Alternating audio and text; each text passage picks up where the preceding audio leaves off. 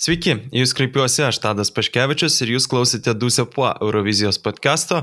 Šiandien mes esame dėję tik dviese, Lukas Kačiušis šiek tiek pasiligojo, rytis e, turėjo darbuotis, tai šiandien sveikinu su Bukareštu, Lukas Gelys, salut. E, salut e, ir šiandien aš sveikinuosi Tere, jei vis dar Tere. Vis dar Tere. Šiandien pakalbėsime apie pirmąjį Lietuvos nacionalinės atrankos pusfinalį, pabandom iš naujo. Ir taip pat vakar tikėtai Ispanija išsirinko dainą visiškai planuotai ir tada kiek nustebino Moldova, kuri tą pačią dieną paskelbė, kad atranką atšaukė ir bus tiesiog gyvi dalyvių prisistatymai, po kurių komisija, ekspertų komisija nuspręs, ką šaliai atstovaus. Tai turime e, dvi dainas, kurias aptarsime, bet kaip visada pradėsime nuo Lietuvos. Na ir aš šiuo atveju galbūt tiesiog e, paklausiu Luko, ar kas nors nustebino iš tų dalyvių, kurie nepateko? Iš tų dalyvių, kurie nepateko. Tai čia manau, matau linko linksti, vakar dar spėjom šiek tiek apkalbėti, kad nustebino Joseph June.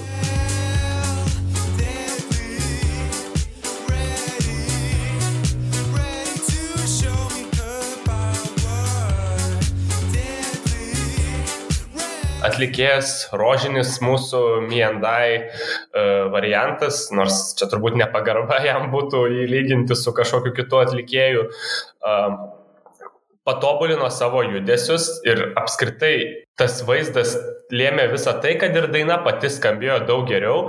Ir Joseph June vakar turėjo ketvirtą pasirodymo numerį, sekė po trijų tikrai tokių Na, sakykime, vidutinių pasirodymų, po Queens of Roses, kur realiai sugadino dainą, kas man yra gan keista, kad pateko į apskritai finalą ir po to likę du pasirodymai buvo ten Evonas ir Emilijana, kurie nepateko. Tai uh, aš manau, kad tikrai didelę pažangą padarė ir nors ir aš praėjusiame podcast'e, tame, kuris būtent buvo po e, atrankinės vaidos, sakiau, kad wow, čia Queens of Roses, čia labai šauniai, čia smagiai, visa kita.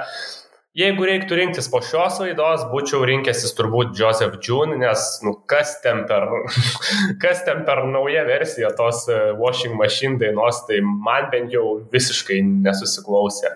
O Joseph June tai tikrai pagirimai nežinau, jeigu jis tokiais tempais moka tobulėti, tai gal jeigu būtų patekęs į finalą, mes jau būtume pradėję svarstyti velnės čia. Gera daina. Na, tu mane nustebinai, tiesą pasakius, iš karto pradėjęs kalbėti apie Joseph June, aš kažkaip galvojau, kad paklausiu tokio klausimo ir pradėsime nuo tos popierinės, galbūt šiek tiek sensacijos, nes a, kaip yra popierinis tigras, tai taip turbūt ir šita sensacija popierinė, to, kad Erika Jennings e, ne tik, kad e, ne Ok, norėjau pasakyti, dar ir nemažai pritruko, šiaip pritruko net, net tiek jau ir daug, vieno taškelio Erikai Jennings pritruko iki finalo.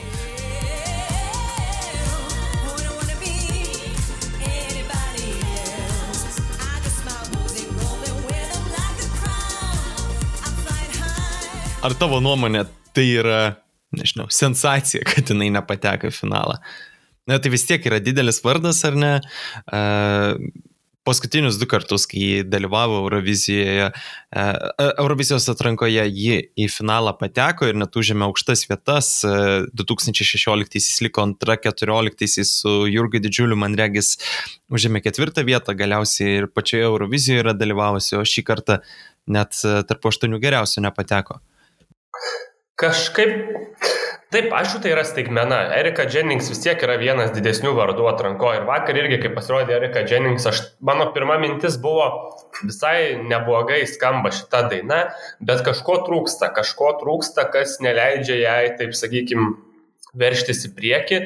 Ir vėlgi po to, kai pasirodė Justė Kraujelytė, po to, kai pasirodė, uh, nežinau, Volitas Zero, kiti atlikėjai, bent jau man buvo tas kažkoks ore tvyrantis, kad nepateks Erika. Kaž, kaž, kažkas aplenks, net, net nebūtinai Queens of Roses, galbūt, um, galbūt ta, tas pats Joseph June ar ten kažkas iš vis netikėtai prasiveršia milijoną vėl laimė žiūrovų balsavimą. Uh, bet uh, Tai va, tai aš nežinau, aišku, šiek tiek gaila, nes Erika matėsi pati, kad tiki savo dainą, kad nori laimėti, kad, kad mano, kad yra verta finalo, bet, na, belieka pasakyti, bandykite kitą kartą ir, na, aš manau, kad negalima tikrai, net tikrai nesuklysi pavadinęs to staigmeną. Jo, aš irgi turbūt sensacija, nors pas paklausiu, bet niekaip to nevadinčiau, man regas tai labiau desningumas. Aš net objektyviai žiūrėdamas niekaip nemačiau šito pasirodymo ir šitos dainos tarp keturių geriausių šio pusfinalio pasirodymų. Man tiesą pasakius, ir pirmas tas pasirodymas nelabai susižiūrėjo su tai šokėjais.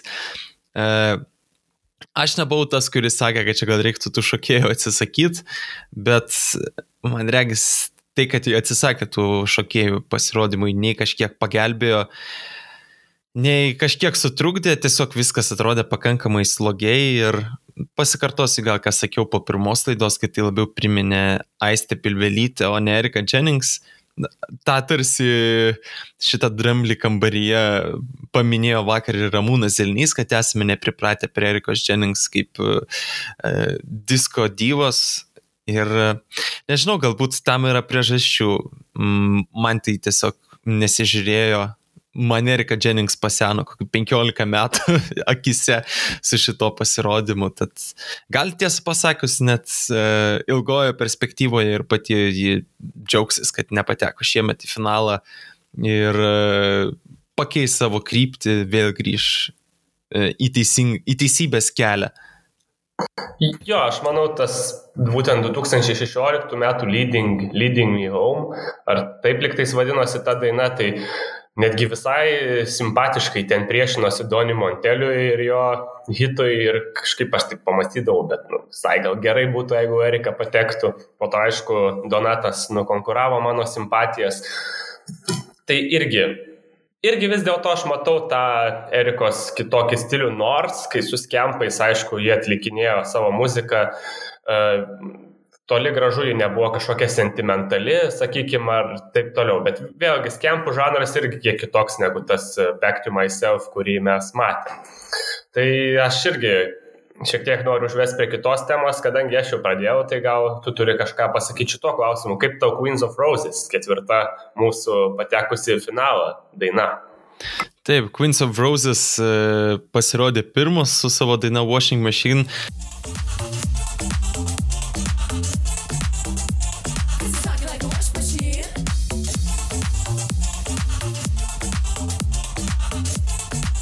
Ir iš karto visus šiek tiek nustebino. Na, aš jau buvau skaitęs, kad jos e, pristatė naują dainos versiją, bet man ta dainos versija iš pradžių, kai aš jos tik pradėjau klausyti, galvojau, o, jos čia labai gerai pavarė. Bet kai tas dropas buvo ir jau ta elektroninė dainos dalis, tai nežinau, man, man atrodė gerokai prastesnė ta dalis. Bet, na, liktais e, dabar reikia pasižiūrėti, kiek pavyzdžiui, žiūrovų balsų surinko uh, na, žiūrovai panašu, kad jas mėgo labiau pusfinalį negu kad e, pirmajame etape. Tai gal vis dėlto ir gerąją pusę. Man gal ir šiuo atveju man tas pirmas pasirodymas patiko, nes ten buvo šokėjai ir gal netobulai, bet vis tiek pakankamai įdomiai sugebėjo Queens of Roses užpildyti sceną su tai šokėjais.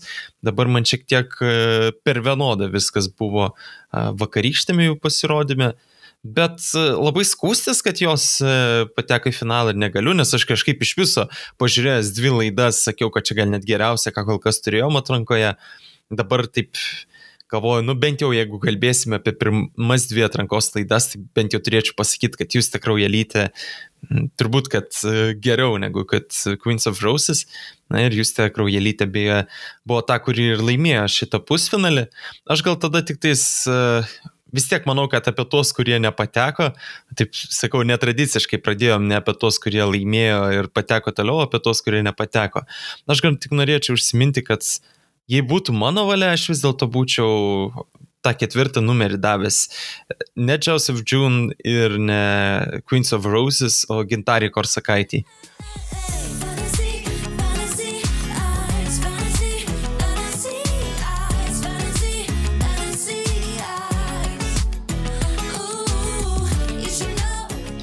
Taip, ta daina nėra kažkas tai tokio ypatingo, bet vis dėlto pati atlikėja puikiai užpildė sceną, puikiai juda, puikiai dainuoja. Filmavimo sprendimai buvo labai įdomus pačioje, pačioje pasirodymo pradžioje ir man tas labai patiko. Ja. Gintarė Korsakaitė ar Gintarė, jis save lik Gintarė vadina, kas vis dar skamba neįprastai. Taip. Jo, Gintarė, Gintarė, Gintarė. Iš tikrųjų sutinku, buvo tie priimti pasirodymo to stagingo e, sprendimai ir to filmavimo paties, kurie nesusiję su tuo, kas yra būtent ant scenos, bet su tuo, kaip tai yra pateikiama per televizijos ekraną.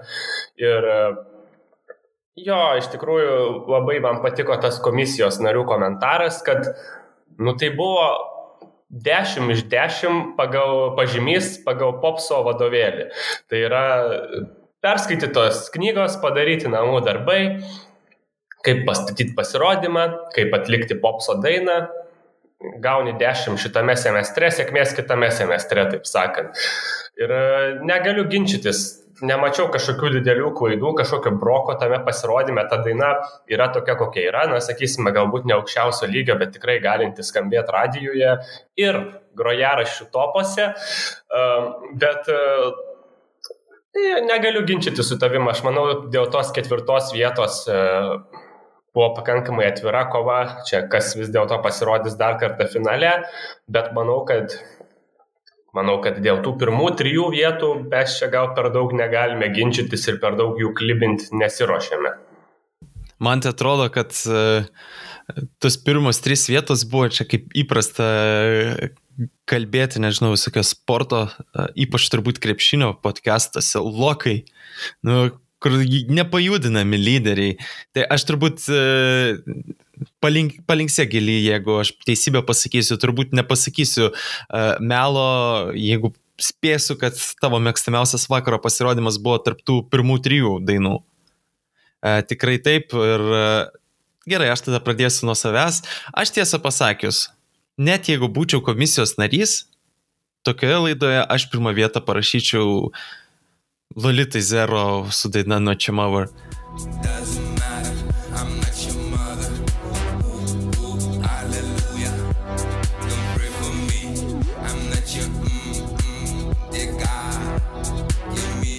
Nu, velnas, nebuvo kažkokio tai didelio pokyčio nuo pirmos laidos, bet uh, nu tiesiog kažkaip tai, tai nepa, nepabosta to žiūrėti. Man buvo toks pats geras įspūdis, kaip ir žiūrint pirmą kartą, gal net dar geresnis.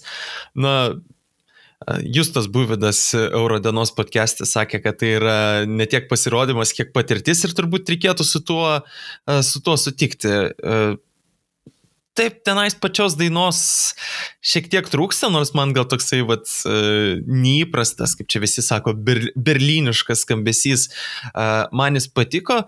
Turbūt didžiausia problema pirmame etape atrodė yra e, pačios Lolitos, paties Gyčio Ivanausko vokalas, nes na, jis prastas vokalistas ar ne, bet kažkaip vakar liktis šiek tiek geriau skambėjo. Aš galvoju, gal net būtų įmanoma kažkaip daryti, e, pasistatyti už scenos e, kokią nors, nu, Arvido Sabonio tipo e, žemą balsą. Ir e, kad jie kartu uh, Lolita ir tas žemas balsas uh, galėtų kaip nors bandyti. Nors aš nežinau, galbūt kai toks uh, kalbamojo stiliaus dainavimas, galbūt tas labai jaustųsi, kad yra bekas. Bet, bet kokiu atveju, man viskas labai patiko. Man turbūt pati geriausia pasirodymo dalis, kai išeina tie šokėjai, pritarintieji vokalistai, tie visi judesiai, tie minkšti balseliai ir tada, kai yra tas ha ha ha lalitos. Tai nežinau, tai, tai palieka įspūdį teisingai tas pats Vaidas, Vaidotas Valikevičius pasakė, kad e, vieni nekes, kiti mylės ir tai Eurovizijoje yra svarbu. Lukai, tai turbūt tavo irgi buvo numeris vienas, ne? Mano numeris vienas, taip.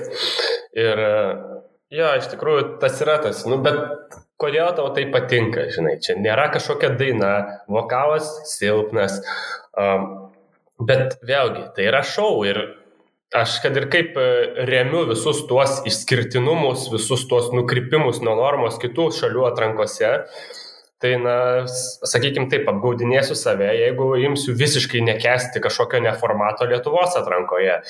Ir tuo labiau, kai tai yra neformatas, kuris gerai žiūrisi, visai susiklauso ir man tikrai patiko ir aš irgi tai pastebėjau, kad nu, praktiškai niekas ten nepasikeitė nuo pirmosios laidos, Bet tai nebuvo blogai, kaip ir vakar postinau memą, kad kartais galbūt ir bereikalo yra bandoma per daug kaitalioti tuos pasirodymus tada, kai jie yra geri.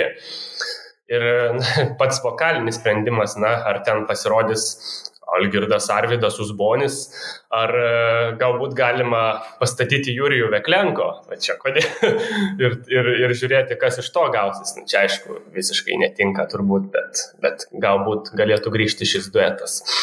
Uh, sutinku, kad kol Lolita gytis yra viena, tol šiek tiek to kažko trūksta, jau yra gera, yra kaip gera ilga kūrinio įžanga, bet kai jau pasirodo šokėjai, tada turime tą pilną komplektą, e, pilną komplektą, kurio tikrai negėda yra žiūrėti, mėgautis ir pati daina nuostabiai užsibaigė tuo, kur yra tas, sakysim, monotoniškas bitas ir tuo tokiu dropu, kuris tiesiog, na, pakeičia visą kūrinį ir kūrinio, sakysime, nuotaiką.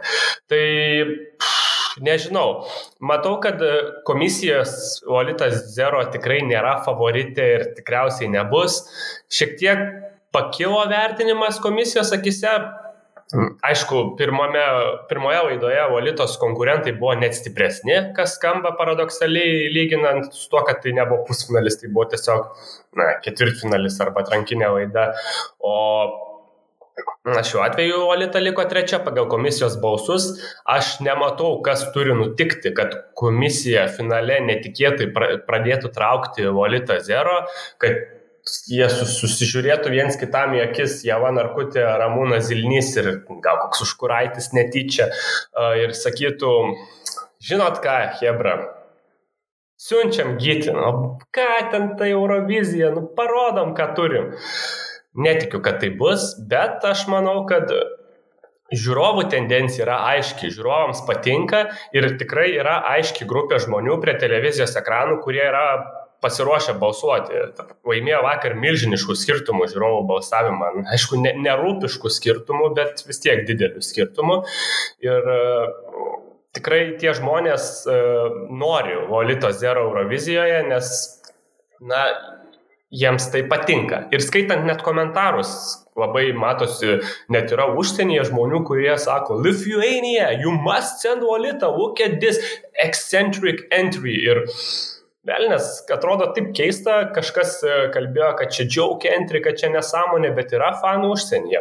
Na, aš kaip ir sakiau, turbūt nėra šansų, kad vis dėlto mes matysime Olitą didžiojoje Eurovizijoje, bet aš labai džiaugiuosi šitą, šitą jos antrąją, vis dėlto ne pirmąją vietą pusfinalio laidoje. Na, turbūt negalima sakyti, kad tai nėra visiškai tas uh, joke entry pokštas. Vis tiek yra šiek tiek pokštas šitoje uh, ir šitoje dainoje, šitame pasirodyme. Na, apskritai tas turbūt e, drag karalienių žanras jis neįmanomas be kažkokio tai, nežinau, kaip anglai sako, tanginčyk, uh, be kažkokios savironijos ir panašiai, nes tai vis tiek yra kažkiek tai kiek aš tai suprantu, tai yra žanras, kuriame yra ironizuojami tam tikri dalykai. Aišku, vieni tą daro rimčiau, kiti tai daro daugiau su pokštais, nežinau, kaip čia, kaip gytis, kaip lalita tą daro. Bet bet kokiu atveju turbūt e, taškus ant jį, Lukai, tu sudėliojai, atrodė gerai, buvo įdomu, mums abiem labiausiai patiko iš vakar vakaro, bet į Euroviziją tai niekaip nepateks, todėl kad, e, na, tiesiog komisijos e, komisijos to nepalaikys. O Lietuvoje, tiesą pasakius, nelaimėjus komisijų patekti į pačią Euroviziją yra pakankamai sudėtinga. Todėl, kad e, jeigu vienas atlikėjas užima pirmą vietą pas komisijas ir antrą tarp žiūrovų, o kitas pirmą tarp žiūrovų ir antrą tarp komisijų, tuomet į Euroviziją važiuoja tas, kuris laimėjo tarp komisijų. Šiuo atveju komisijos yra šiek tiek stipresnės. Ir tokiu atveju jau turėtų būti kažkokia labai sudėtinga kombinacija žiūrovų balsavimo ir komisijų, kad Lolita Zero patektų į Euroviziją. Kalbant apie kombinacijas, aš dabar atsimenu, ar ne 2019 metais buvo, čia truputį atsukant laikrodį, kaip mes prieš finalą ten buvo favoritų daug, ten turėjom Jurijų. Ne, ne, ne, ne, čia buvo 20 metais, kai kai komisijos pridarė, kai komisijos pridarė pokštų ir pusfinaliuose komisijų balsavimus laimėjo Monika Marija ir e, Aistė Pilvelytė, o žiūrovų balsavimus Monik ir Derup. Taip, ir aš dabar prisiminiau, kaip mes tenai netgi paustą liktais rašėm, kur mes ten dėliojom kombinacijas, kiek balų, jeigu gausi iš komisijos ir kiek iš žiūrovų, tai kas laimės ir tenai vos ne procentų skaičiavom, kiek čia šansų, kad kas nutiks. Tai Jo, iš tikrųjų, su ta mūsų atrankos sistema komisija, nu, tas 50 ant 50, kaip mėgstam sakyti, nėra 50 iš tikrųjų. Ir 51 na, prieš 49. Taip, taip, taip. Ir turbūt šiemet nereiks dėlioti tų visų lentelių didžiulių, bet toks įdomus prisiminimas. Gerai, o ką tu manai apie Justę Kraujalytę su daina How to Get My Life Back, kuri komisijų balsavimą laimėjo, tarp žiūrovų liko antra ir laimėjo visą šitą pusfinalį?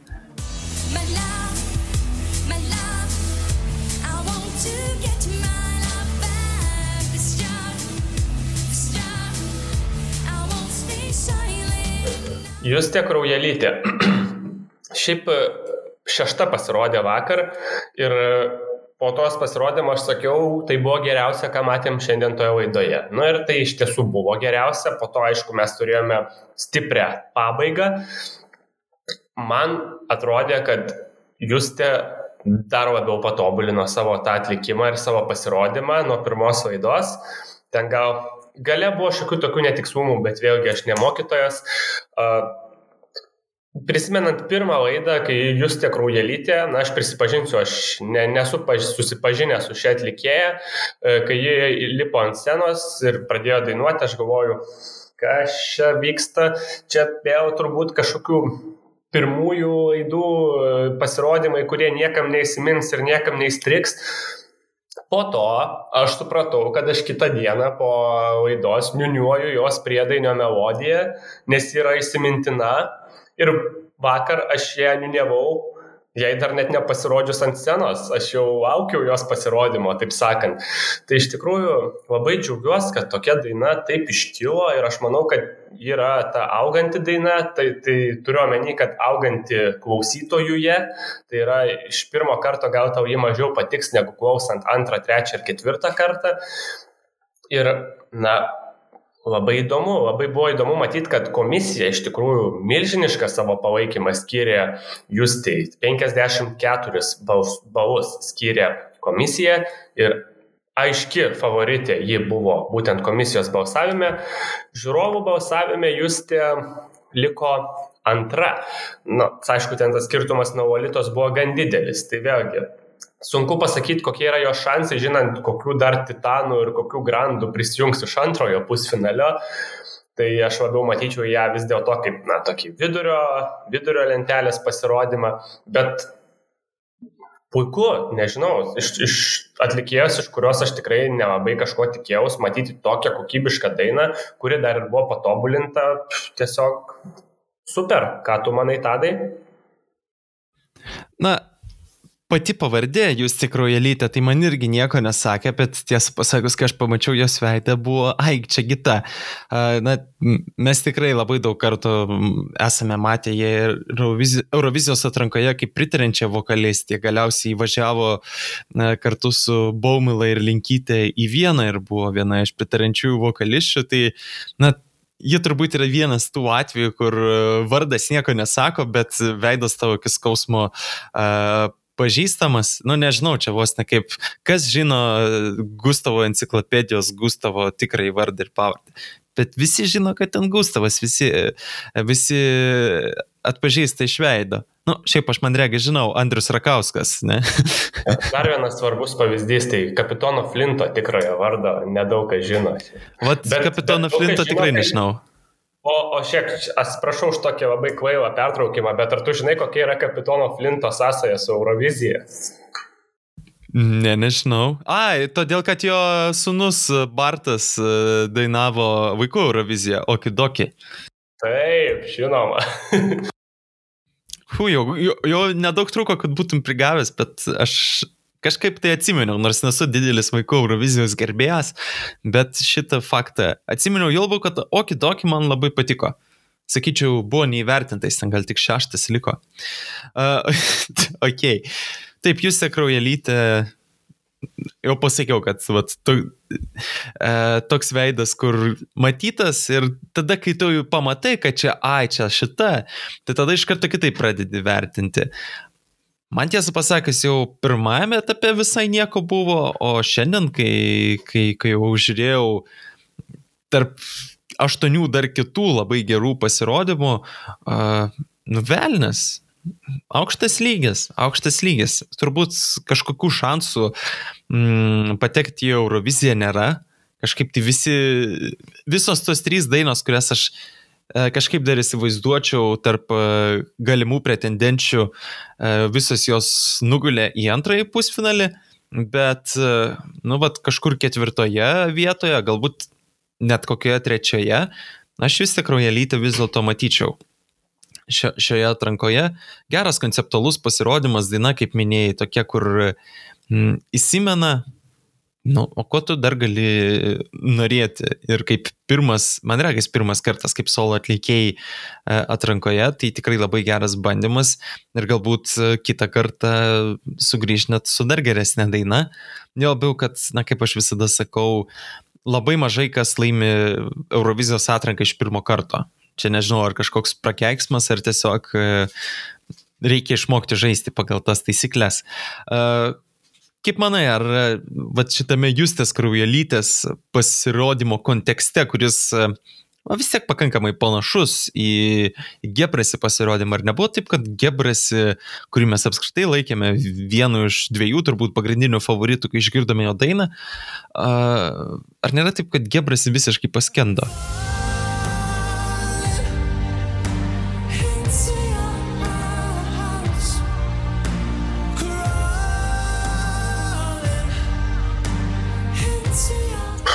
Manau, kad skendo šiek tiek ir vėl, aš manau, kad Gebrasi, vėlgi, nu, nieko neišrandu, jokio dviračio, nei motorolerio. Zilnys Ramūnas, gerbiamas, viską pasakė.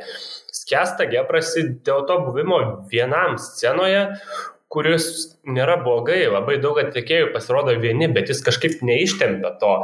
Ir ir nesukuria to, ką ta daina turi ištransliuoti. Ir aš vėlgi stebėjau tą Gebrasi pasirodymą, nu, kaip mano mėgstamas komisijos narys Darius Užkuraitis e, sakė, kad e, akademiškas pasirodymas. Nu, toks, kur čia stu, geras studentas atsistojo ant scenos, atliko savo kūrinį ir e, kaip jau labai daug kažkodėl apie dešimtukus kalbu ir gavo aukščiausią pažymį ir, ir, ir mokytojas yra patenkintas. Bet man kažkaip yra tas keistas dalykas, kad Taip neturėtų būti, bet man Gebrasi pasirodymą yra sunku išžiūrėti, nenuklystant kažkur kitur, mintimis ar veiksmais. Pavyzdžiui, jeigu aš, tarkim, turiu va, du kompiuterius, šalia manęs va, antras kompas ir ten jame yra įjungtas, sakysim, Duzepua puslapis, kuriame aš ten rašau įrašus ar mes ten pasitarinėjom dėl įrašų. O kitas, kitas kompiuteris yra tas, kuriame žiūriu LRT transliaciją. Ir aš kažkaip pat per gebrasi pasirodymą žiūriu, žiūriu, e, priedainis, visa kita, tai aš ten nueisiu kažką pačiatinti, gal apsitart, e, gal kokį memą pradėti kurti. Ir nežinau, kodėl taip yra. Lyg ta daina, kaip ir sakė, akademiška, tiksli, gera, bet jos pamatas vėlgi, pamatas yra drama, kurios kažkaip jis nesukuria. Ar, tas, ta apranga, tas pats vizu, vizualinis patikimas buvo vis dar tamsus, bet jis buvo truputį geresnis mano nuomonė nei pirmą kartą.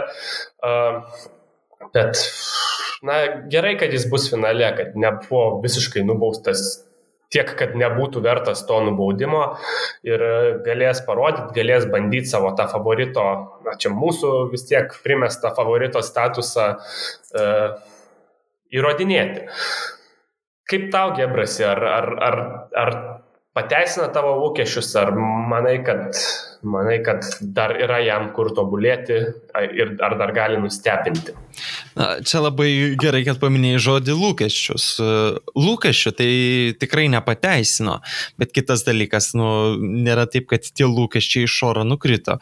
Reikia pasakyti, kad kai mes kritikuojame Gebrasi, tai mes vis tiek kritikuojame jį jau jo lygio atlikėjų, jo lygio kompozitorių uh, lygyje. Ir net jeigu reiktų dabar lyginti tą, kas buvo Gebrasi pasirodymas, nežinau, su Queens of Roses, Joseph June, net tą pačią Erika Jennings, man regis, kad Gebras yra nu, visiškai kitame lygyje, visiškai kitoje visatoje. Ir tą turbūt irgi labai svarbu paminėti. Ir tas net ir e, galutinėje rezultatų lentelėje atsiskleidė. Gebras į taip užėmė tik trečią vietą su 18 balų, bet ketvirtoje vietoje likusios Queens of Roses surinko vos 11. Tai vadinasi, kažkokių tenais matematinių tikimybių net arti nebuvo to, kad Gebrasi galėtų nepatekti į kitą etapą ir man atrodo, tai yra visiškai desninga. Pritariu, kad tas pasirodymas buvo patobulintas e, nuo pirmosios laidos. E, tiesiog kažkaip ir ypač pati ta pradžia man labai patiko su šviesomis ir man regis tas filmavimo, kiek ten turbūt buvo pirmoje laidoje 16.10, o dabar 16.9, aš vis velnas maišau. Jo, man regis, kad buvo 16.10 pirmoje laidoje, dabar 16.9 su tais juodai, juodais brūkšniais buvo viršuje. Ir man tas šiaip visai gerai žiūrėjosi, manau, kad tai geras sprendimas. Kritikavau Gebrasi pirmo, po pirmosios laidos dėl to, kad jo judesiai labiau primena Stasį Pavilaitį. Na, to vis dar buvo, bet liktais buvo šito mažiau. Tai, na, gal dar pavyksta tą pasirodymą patobulinti iki pat finalo, bet kaip, jo labiau, kad jisai turi labai daug laiko. Vis tiek tai buvo filmuota pirmadienis šitas pusfinalis, o finalas bus dabar dar už dviejų savaičių. Nuo, nuo dabar, kai šnekame, tai jis iš esmės trys pilnas savaitės e, turi e, jau su, įskaičiuojant ir tą laiką, kuris praėjo, trys pilnas savaitės turi tą pasirodymą padaryti puikų. Na ir turbūt Silnys yra teisus, Gebrasiui reikia uh, balerinos, kuri išlenda iš fortepijono. Kai pradėjai kalbėti apie tuos formatus, tai čia toks lyrinis nukrypimas. Aš prisiminiau, kad vaikystėje turėjau televizorių savo kambarį kvadrato formos ir buvo galima ten pasirinkti 16, 9 arba 4, 3. Aišku, buvo prasidėjusi 16.9 era visur, bet aš visada žiūrėdavau ant 4.3, nes man čia atrodė, kad juodi brūkšniai yra absoliuti nesąmonė, turi būti visas ekranas padengtas medžiaga. Tai Jo, nesakau, kad dabar 4-3, aišku, tik kokiai Monikai liū tiktų, kaip mes jau ir kalbėjom. Man labai patinka Gebras iš tikrųjų tas toks požiūris, jis, nežinau, man jau bent jau tą prieš pasirodyminį interviu jis atrodė kaip visai, visai pasitikinti savimi ir jūs mažau čia mane kritikuokit, bet aš žinau, ko mano daina verta ir darysim viską, ką galim ir šnekėkit, ką norit, mes tobulinsim tą pasirodymą. Tai Jo, aš manau, Gebrasi neiškrenta, taip sakykim, iš kovos. Aišku, bus labai sudėtinga, bet gal, gal finale atsižvelgs į mūsų ir komisijos pastebėjimus ir kažką nuspręs kardinaliai pakeisti. Ar po pirmojo pusfinalio vis dar manai, kad Monika Liu laimės e, atranką? Ar jisai labai mažai ką pakeitė? Kol kas drįsiu sakyti, kad taip, ne, neturiu pagrindo manyti kitaip kol kas. Aišku, gal antrajame pusfinalyje kažkas pasikeis, bet kol kas manau, kad taip, Monika Liu yra pagrindinė favorite ir, ir sunkiai kvestionuotina šiuo metu. Gerai, tuomet teikime į Ispanijos atranką, e, kuri per šią savaitę visai ir vyko, du pusfinaliai dabar trečiadienį ir ketvirtadienį ir finalas šeštadienį ir tenais vat favoritė paėmė ir nelaimėjo. Favoritė buvo Rigoberta Bandinė su daina Aimama, o laimėjo Chanel su daina Slow Mo. Tai pradėkime turbūt nuo tos vat Chanel dainos Slow Mo.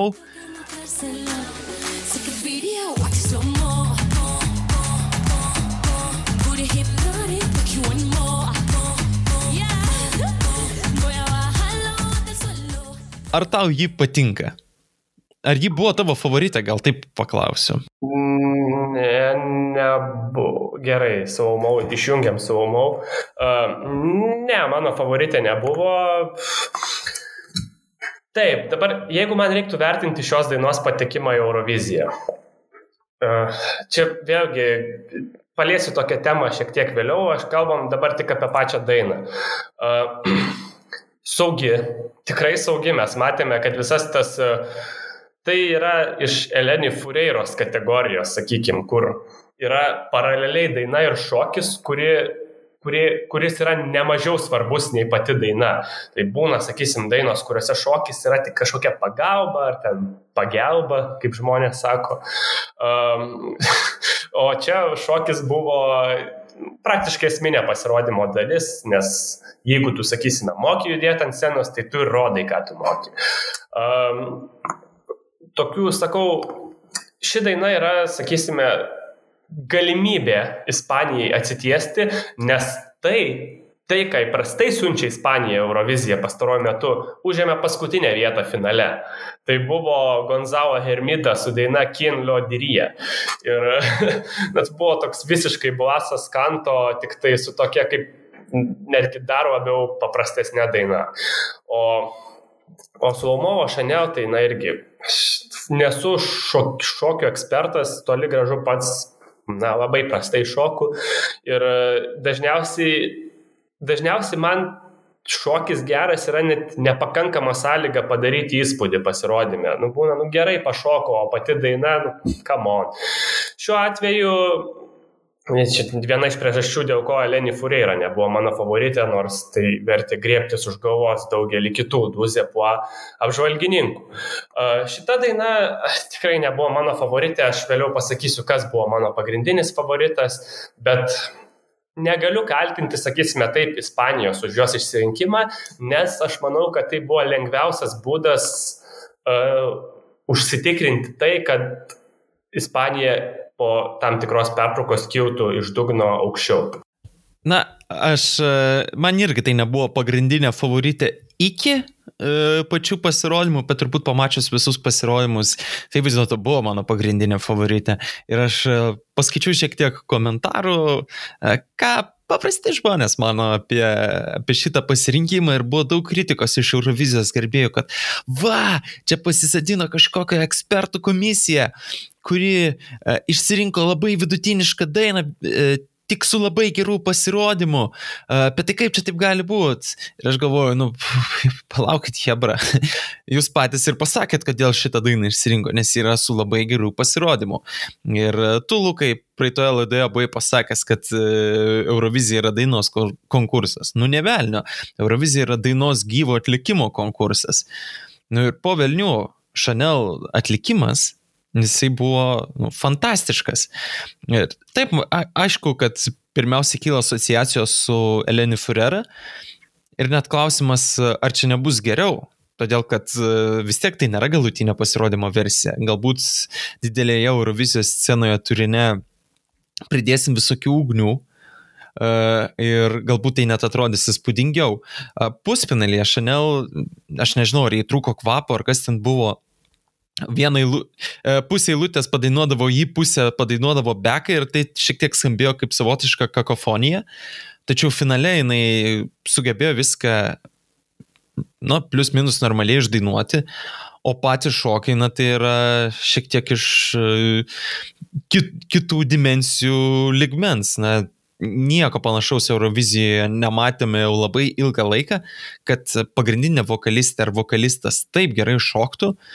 Ir man atrodo, čia net nelabai buvo kito pasirinkimo Ispanijai. Aš manau, kad Ispanija, kuri šiaip jau pastaruoju metu labai prastai pasirodydavo Eurovizijoje, aš jau va dabar sakau, sausio 30 dieną pasižymėkit, Ispanija pateks į geriausių dešimtuką šiemet Eurovizijoje. Na, šiaip negaliu ginčyti su tuo, ką tu pasakėjai. Taip, profesionalumas, judesys, ekspresija, potencialas pasirodymui. Vėlgi, na, aš čia visiškai subjektyviai galbūt nepalaikiau vien dėl to, kad man na, pati muzika ir pati daina tai buvo, nu, daug kartų girdėta, sakysim taip. Ir aš tiesiog dažniausiai, na, ne, neremiu tų pasirodymų. Bet aš manau, kad ekspertinė komisija šiuo atveju padarė savo darbą, kad profesionaliausiai profesionaliausiai pastatytas kūrinys, kuris yra, sakysime, jau tokia paruošta eurovizinė medžiaga, su galimybė dar ten kažkur ją kilstelėti, kad jie ir patektų į Euroviziją. Kad vietoj to, kad, sakysime, vežtumėmės būtent kaip ispanai katę maiše, jie vežasi, na, jau tai, kas yra aišku ir tai, kas, na, kelia pasitikėjimą iš ankstinį. Vėlgi, na, norėčiau vis tiek šiek tiek, kaip liaudyje sakoma, parentint ir dėl paties formato. Labai nenorėčiau, kad toks formatas, sakysime, būtų taikomas Lietuvoje ar na, kitose šalise, kurių atrankas aš dažniausiai stebiu. Kita daina, tai grupės Tančiugeiras daina Terra.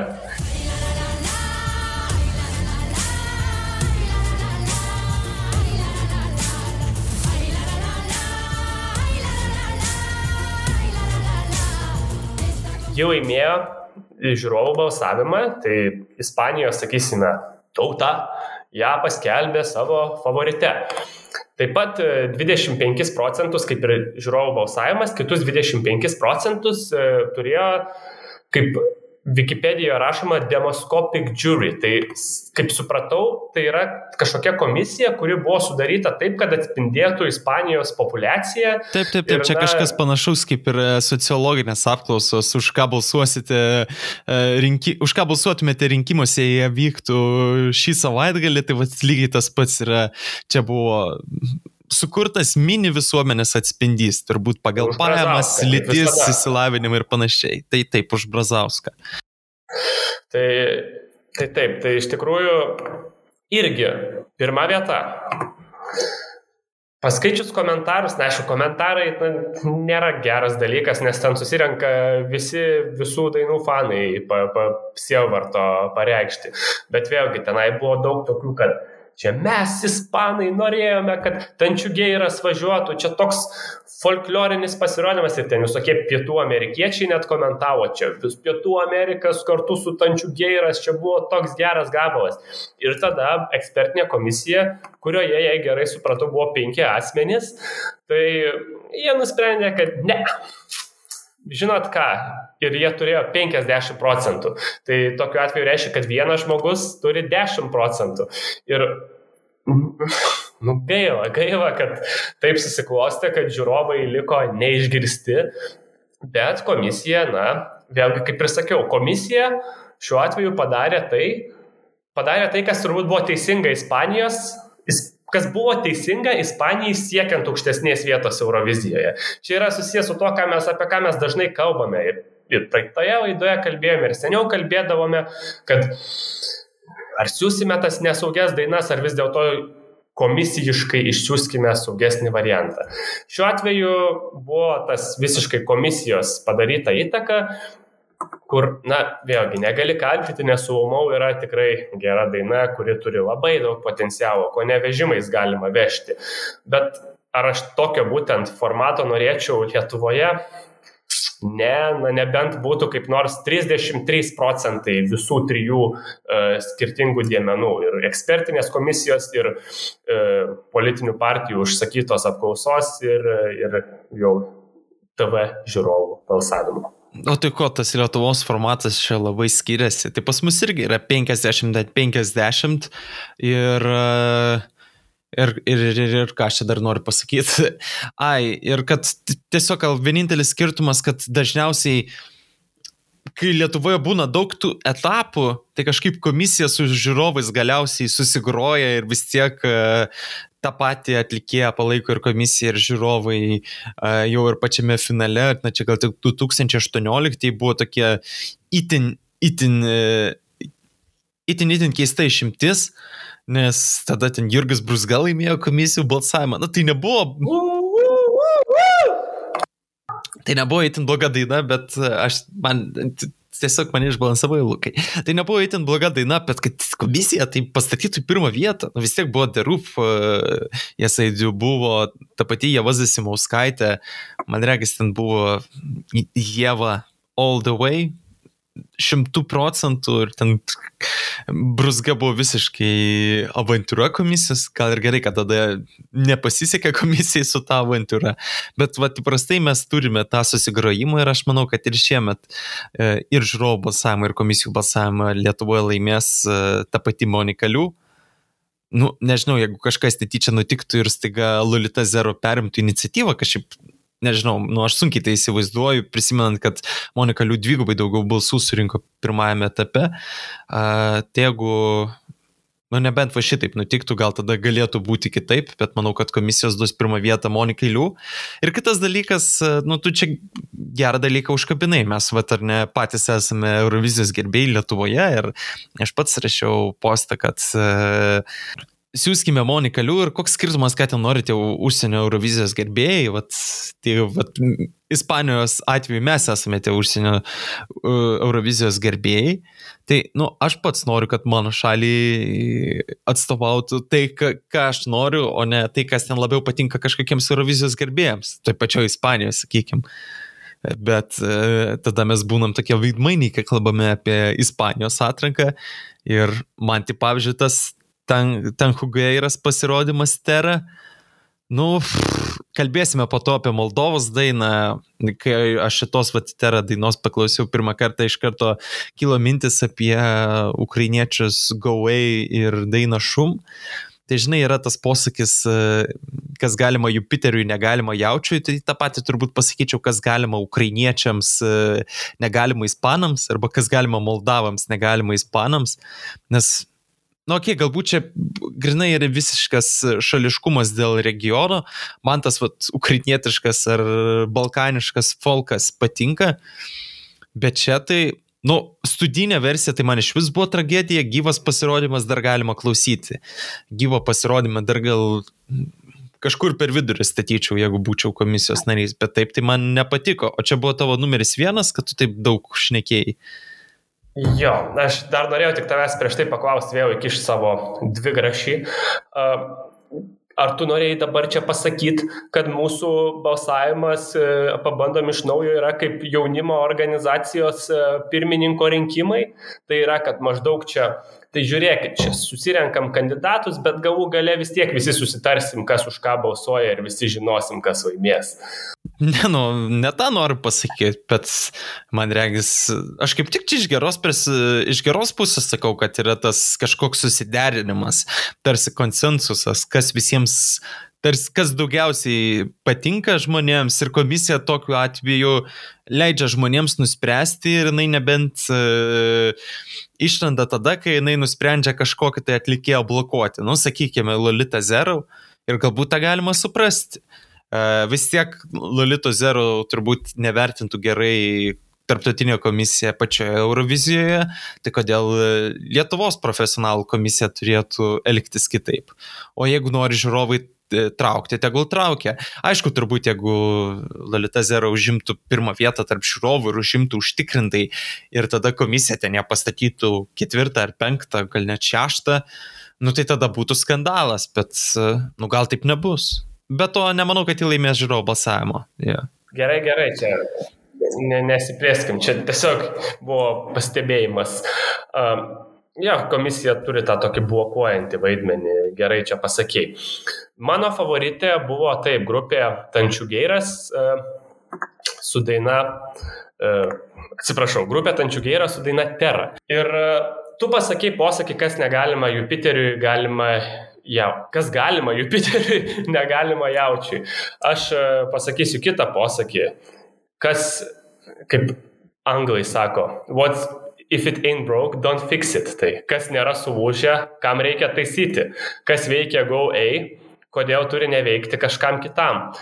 Šiuo atveju irgi grupė Tančiukėjas, aš pasidomėjau šiek tiek, yra iš Galicijos regiono.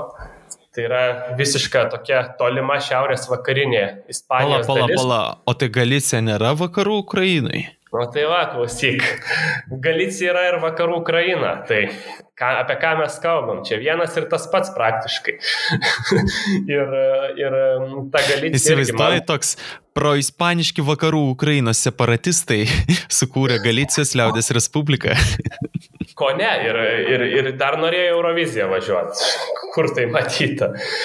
Tai jo, iš tikrųjų ta Galicija tokia tolima, mislinga ir man kažkaip net kai kalbam apie tos visokius baskų kraštus, apie Galicijas, man su to ir asocijuojasi, su tokiais kažkokiais keistais tradiciniais e, papročiais, su, tokiu, su tokia kita Ispanija, ne ta, prie kurios mes esame įpratę mąstant stereotipiškai.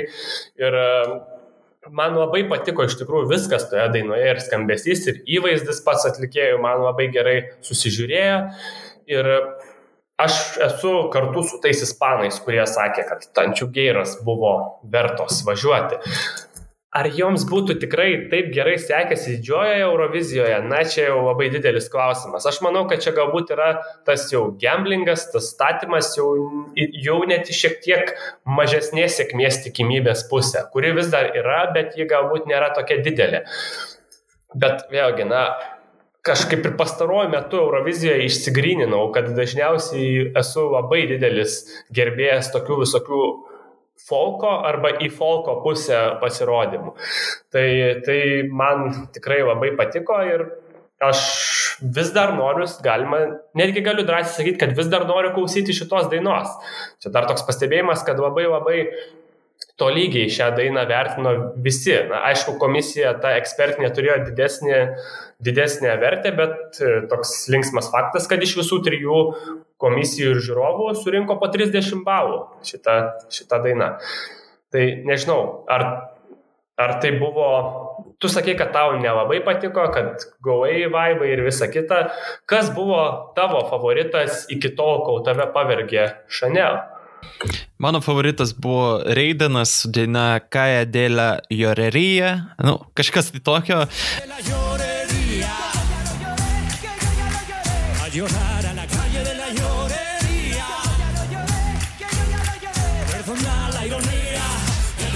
Nesu didelis ispanų tarimo ekspertas, e, tik žinau, kad reikia šiek tiek švepliuojant arti garthus ir tada, e, ir tada bus e, ispaniška. Man ta daina labai patiko, jos labai geras vaizdo klipas ir labai kabinantis priedai, nes e, Reidenas sudainuoja ir tada Bekai atrodo su milijonu balsų paima tą patį atkartoja ir tai sukuria labai įspūdingą efektą. Ir tada, na, nu, aš nemačiau finalo pasirodymo, nes į YouTube atskirai neįkėlė dar prieš pat laidą, nežinau kodėl. Tai pakomentuosiu, ką mačiau per pusfinalio pasirodymą, gal per tas e, dvi dienas nespėjo e, per tris dienas nespėjo visko radikaliai pakeisti. A ne, per dvi dienas vis dėlto. Tai pusfinaliai išėjo taip, kad e, Raidinas viskas gerai su juo, jis labai charizmatiškas atlikėjas, e, su kameromis draugauja, viskas gerai, skamba gerai, bet tas momentas, kai jau turi būti tie milijonas balsų už nugaros, kurie atkartoja e, pagrindinę dainos įlūtę, tai tiesiog kažkoks tai bičias, kuris tokiu balsu rėkia ir muša būgną ir te, kodėl, kodėl jūs taip sugadinat šitą dainą? O po kad šiais laikais, nu, tu gali bekus įsirašyti, tai įsirašyk ten milijoną balsų, dar kokį vieną pasistatyk e, ar du gyvai, bet tokius, kurie, nu, turėtų balsą, o čia tai nežinau, gal, gal net būtume kalbėję šiandien kaip apie nugalėtoją, bet, nu, buvo sugadintas pasirodymas, sakyčiau, sugadinta daina, o tikrai labai gaila. Studinė versija, sakyčiau, uh, geriausiai skambėjo iš, iš visų, nu, mano nuomonė, geriausiai skambėjo iš visų Ispanijos atrankos dainų, bet, nu, va taip pat nutiko su, su pasirodymu. Tau Reidanas patiko? Šiaip Visai taip, man, nežinau, man kažkaip, kai aš klausiau Reideno dainos, man pirmas įspūdis buvo, čia prisiminus 2008-osius, kad čia yra Rodolfo Čikilikuatre tik subrendęs, pribrendęs muzikaliai. Tai nežinau, man tas toks visas toks ispaniškas vaibas, toks kažkoks, vėlgi, linksmybės ant scenos, pakankamai susižiūrėjo, aišku, negaliu sulyginti su tuo absurdu, kas buvo 2008, bet sulyginau, tai atrodė brandžiau gerokai. Vėlgi, tai visai gerai vertino komisija, žiūrovai šiek tiek baudė. Kažkodėl žiūrovai baudė Reideną, vėlgi gal jiems nepatiko tai, ką Tadas jau čia minėjo, tai kad nepasistengė gerų bekų pasisamdyti vietoj to, ką padarė. Aš gal dar norėčiau šiek tiek pakalbėti apie antrąją vietą, apie Rigobertą Bandinį ir dainą Ai mama.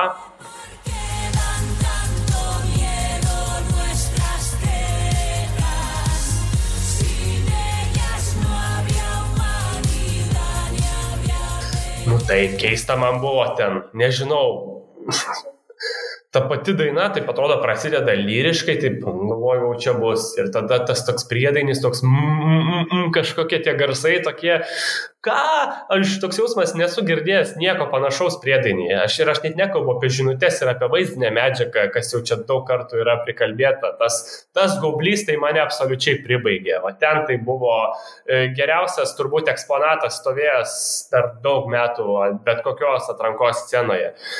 Bet kas man dar patiko, čia aišku, aš nukrypau nuo pačios dainos, bet ar tu matei, kas dėjosi tarp žiūrovų, kai skambėjo Ai mama?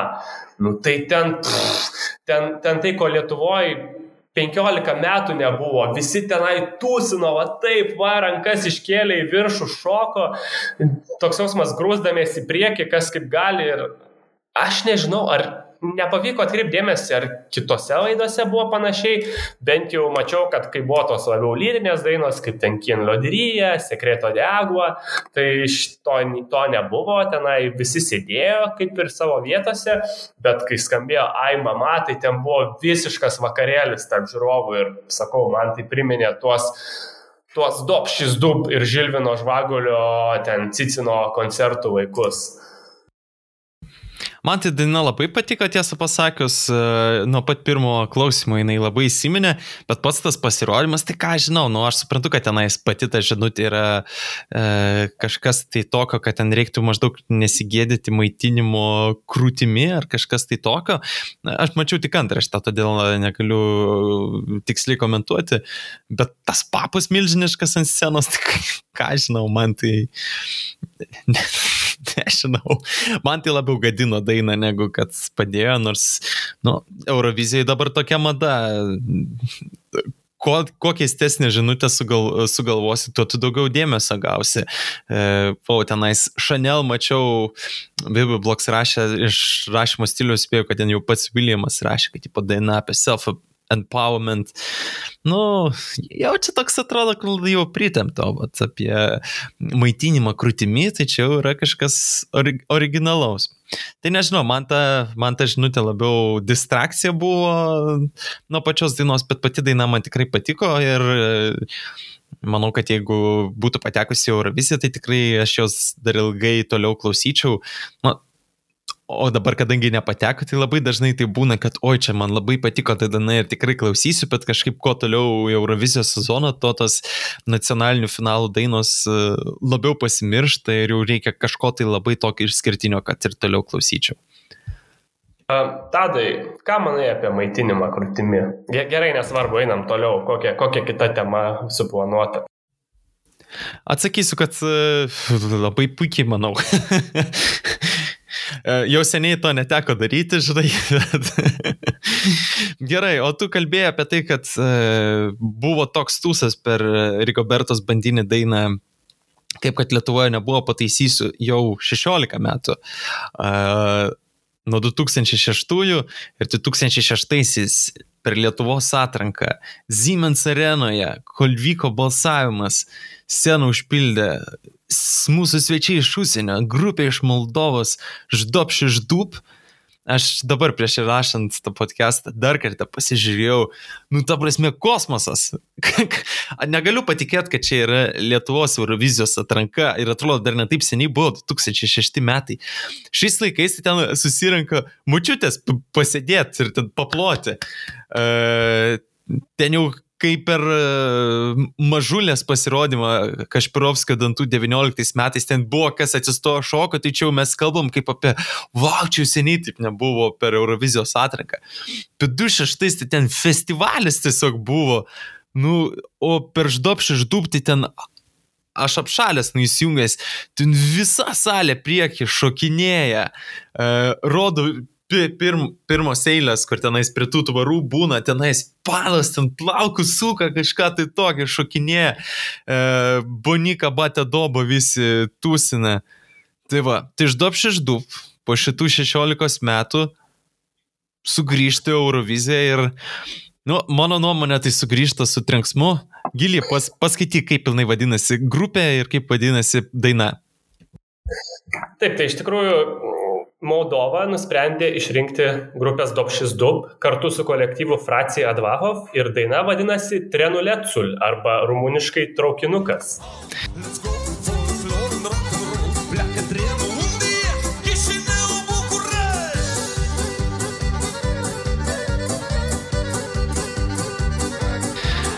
Tai va, dar turbūt reikėtų paminėti, kad e, šiaip tai Moldova planavo turėti nacionalinę atrinką, bet ten kažkas pasikeitė jų e, COVID įstatymuose ir tapo neįmanoma teisiškai suorganizuoti atrankos, tai tiesiog pakvietė, padarė e, gyvas perklausas vakar per vieną dieną ir tada ekspertų komisija išrinko.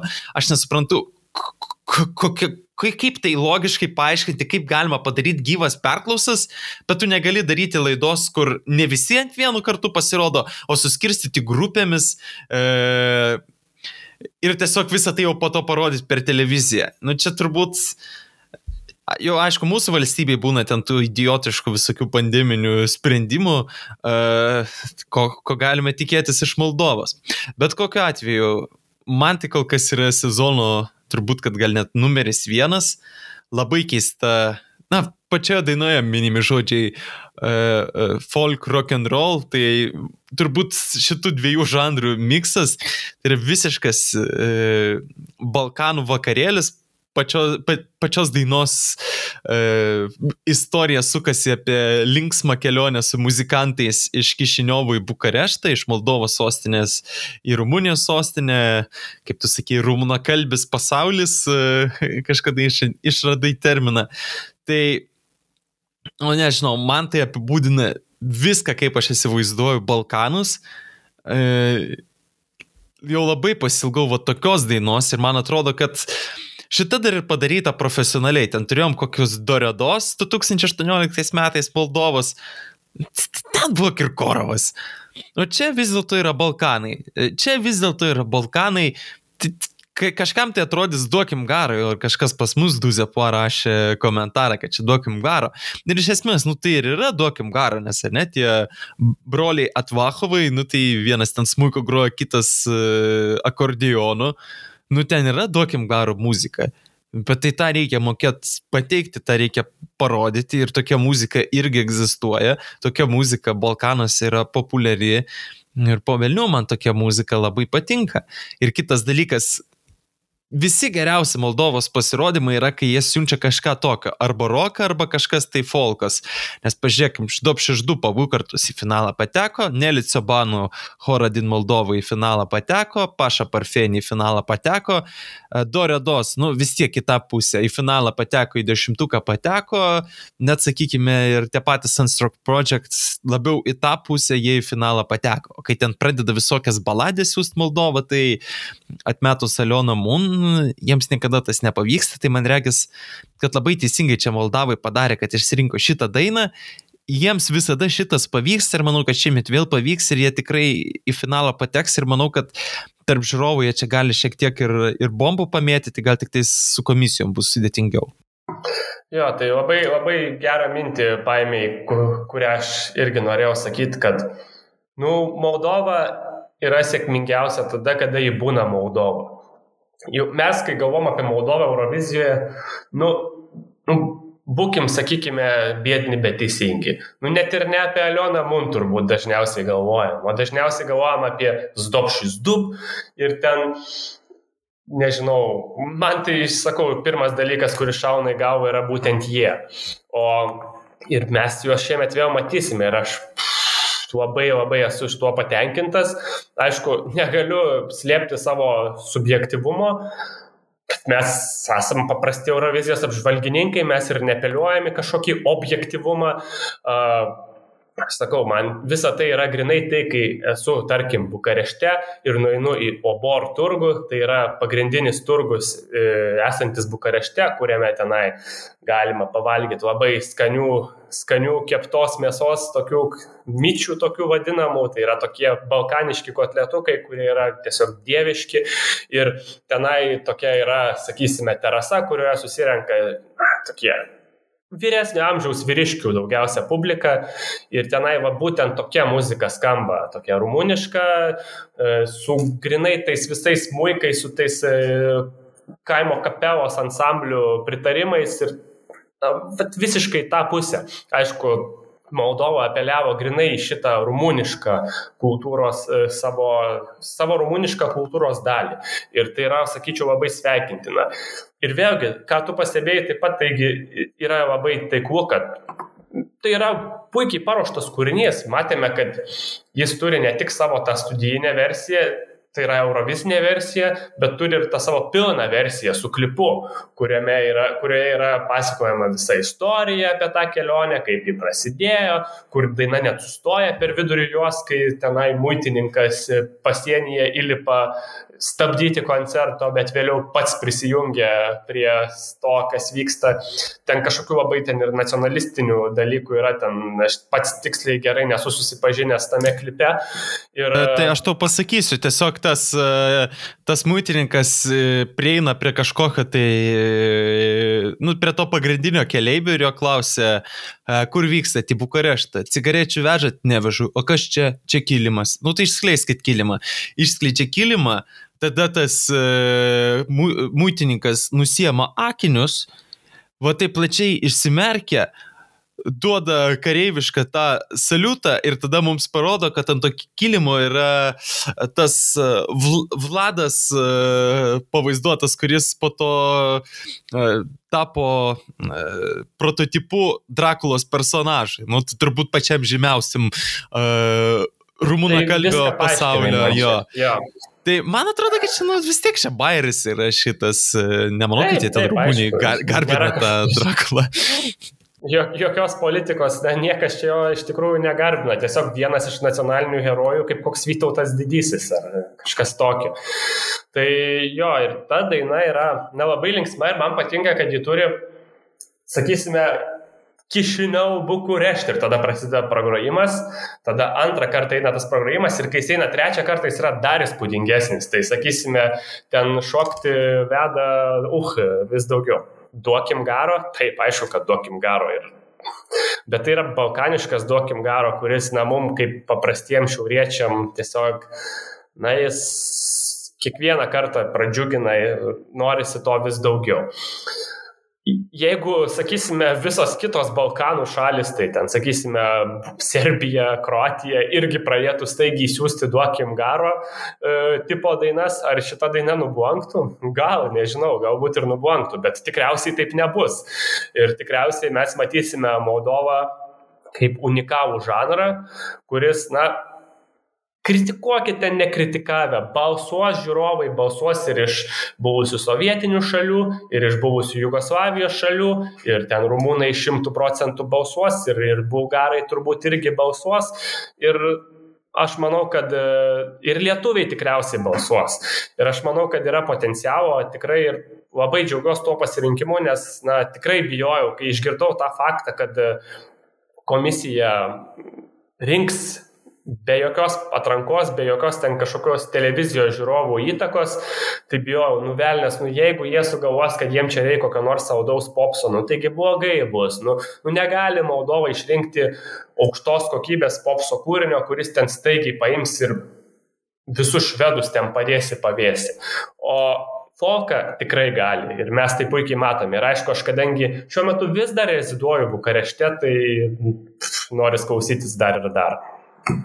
Nu tai turėjom Lydiją Izak Falling Stars, nepateko į finalą su to tokiu švediškos skambesiu popsu. Nu jis vis tiek visada bus tenais e, ne pirmos, ne antros ir ne trečios, turbūt kokios ketvirtos ir penktos lentynos.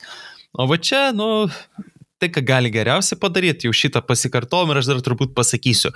Žiūrint, koks yra jų klipas, žiūrint, e, kokie būna Moldovos pasirodymai dažniausiai jau ant scenos, jie nežinau, net Eduardo Ramoniutą padarė pakankamai e, respektabilių pasirodymų. Tai aš nenustepsiu, mes ten pamatysime traukinio vagoną ar dar kažką. Tai manau, kad bus super duper pasirodymas.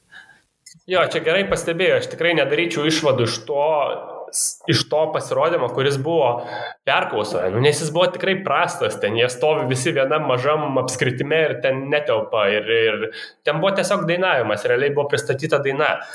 O vat Eurovizinė scena, tai tokiam, tokiam gabalui tikrai galima išnaudoti. Jeigu ten Doredos sugebėjo irgi šau sukurti, aišku, aišku, nebe Pedrosevičiaus pagalbos, bet vis tiek. Gerai, tai manau tiek, e, tiek čia mes ir pašnekėsime. E, tikrai nemažai prišnekėjome kaip apie tai, kad įvyko viena Lietuvos laida, kurioje ir taip visi pasirodymai matyti ir dar e, ir dar tik dvi dainos buvo išsirinktos, tai šiandien buvau aš Tadas Paškevičius ir Lukas Gilys. Iki kitų susiklausimų. Ate.